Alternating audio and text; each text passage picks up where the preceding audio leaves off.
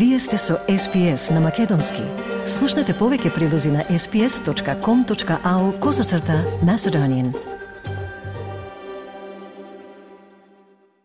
Слушате прилог на македонски јазик на SPS Audio со Маргарита Василева.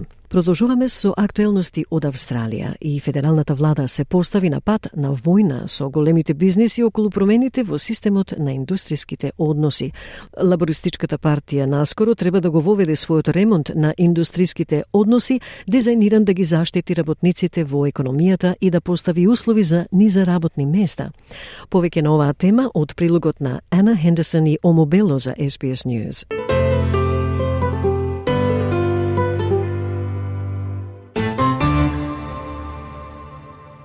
Работниците во гиг економијата во Австралија се очекува да имаат корист од минималната плата и заштита од неправедно деактивирање.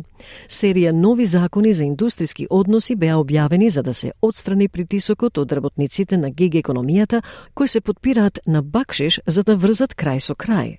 Возачите за споделување на возењето и возачите кои доставуваат храна се меѓу оние кои ќе имаат корист од промените. Уцав Батарај е возач на Uber, кој се приклучил на синдикатот на транспортните работници за да се бори за другите во гиг економијата. Работниците на гиг економијата, вели Батарај, се третирани само како бројка, а не како работник, кој треба да работат стотици часови за основна плата. From the start to finish, from picking up an order to dropping off an order, uh, we're just a number. We're not counted as a worker. Um, and when we wait for the order we're just by ourselves we're sometimes stressed. Um, sometimes even I would, I would say depressed because of the financial situation that we that we're, we're going through because we have to work hundreds of hours to make a very basic pay to, to pay off our basic survival needs Гиг економијата е голема, бидејќи ги покрива возачите за испорака на храна, апликациите за персонал за нега на стари лица и националната шема за осигурување за попреченост. Владата вели дека луѓето кои работат во тие области изгледаат како вработени, но всушност работат како независни изведувачи и има значителен недостаток на права и заштити во споредба со вистински вработен.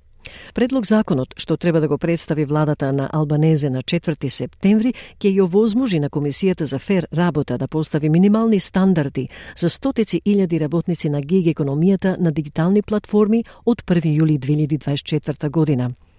Тоа доаѓа како дел од изборната заложба на лабористите во 2022 година за регулирање на гиг економијата, која има за цел да ги намали небезбедните практики што доведоа до смртни случаи на возачи за испорака.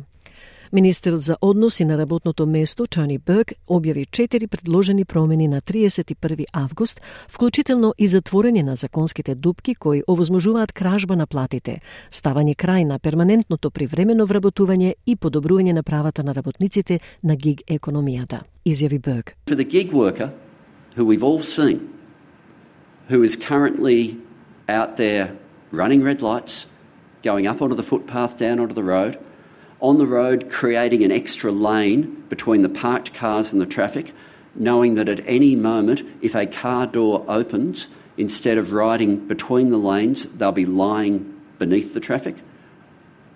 They'll have some minimum standards. Closing these loopholes will change their lives. Работниците кои користат дигитални платформи за работа кои наликуваат на цитат работни места како вработени, затворен цитат, ќе бидат класифицирани и заштитени според промените со пристап до боледување и минимална плата. Но лабористите тврдат дека тоа нема да влијае на независните изведувачи или трговци со висок степен на автономија. We are talking about some of the lowest paid people in Australia. And if that means there's a tiny bit extra that you pay when your pizza arrives to your door, and they're more likely to be safe on the roads getting there, then I reckon that's a pretty small price to pay. Бизнис групите и опозицијата ги осудија промените. Дженефер Уестекот е главен извршен директор на Деловниот совет на Австралија. Според Уестекот, ова нема да ги затвори дупките, туку ќе создаде проблеми, ќе им наштети на работниците, затоа што ќе им наштети на продуктивноста, клучот за добивање повисоки плати, изјави таа. This will not close loopholes, it will create problems. It will hurt workers because it will hurt productivity, the key to getting higher wages. It will hurt small business at a time when they are struggling under the sea of red tape. It will cost consumers more. Government on the record today, it's going to cost you more for your pizza, for your, for your delivery. How much is it going to cost? That's going to hurt Australian consumers. The bill should not be passed. Рударските и деловните лидери исто така предупредуваат дека ќе преземат мерки за лобирање за да го запрат законот. Тања Констабл е главен извршен директор на Советот за минерали и вели дека оваа легислатива ги зголемува трошоците и ја зголемува сложеноста за секој бизнис, а тоа ќе влијае на секој потрошувач и на секој работник низ Австралија. This legislation drags in every part of the economy. That is driving up costs and it's driving up complexity for every business and that's going to impact every consumer and every worker across Australia. At the end of the day, make no mistake, we're talking about less jobs. 13 доставувачи загинаа на патиштата во Австралија во последните години. Уцав Батарај се надева на подобра иднина за индустријата. Тој потенцира дека работниците во гиг економијата работат во компании вредни повеќе милиарди долари, но дека работниците немаат никакво физичко обезбедување. Не знаат како земаат плата, која е метриката и кои се параметрите за да се платат, вели тој. We're working in a multi-billion dollar companies, but we have nothing. We do not have any physical security. Sometimes we get grocery orders we, uh, which are 60 kilos and we're getting paid $10 to drive up to 7 8 kilometers and that's not transparent. We do not know how we are getting paid. What's the what's the matrix? What's the parameters of us getting paid? I'm, I'm getting for the same order. If I'm if I'm pay, getting paid five dollars, another driver is getting six dollars or seven dollars, and and it's completely not transparent. We're working in a multi-billion dollar companies, but we have nothing. We do not have any physical security.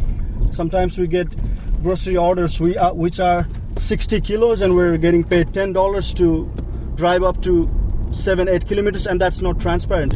We do not know how we are getting paid. What's the what's the matrix? What's the parameters of us getting paid?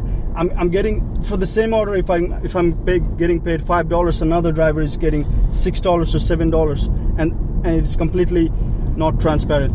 Ако помине законската регулатива, ќе земе една година пред промената да стане реалност. Од прилогот на Ана Хендерсон и Омо Бело за SBS News.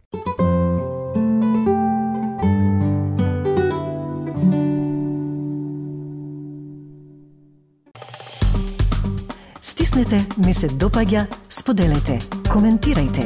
Следете ја SPS на Македонски на Facebook.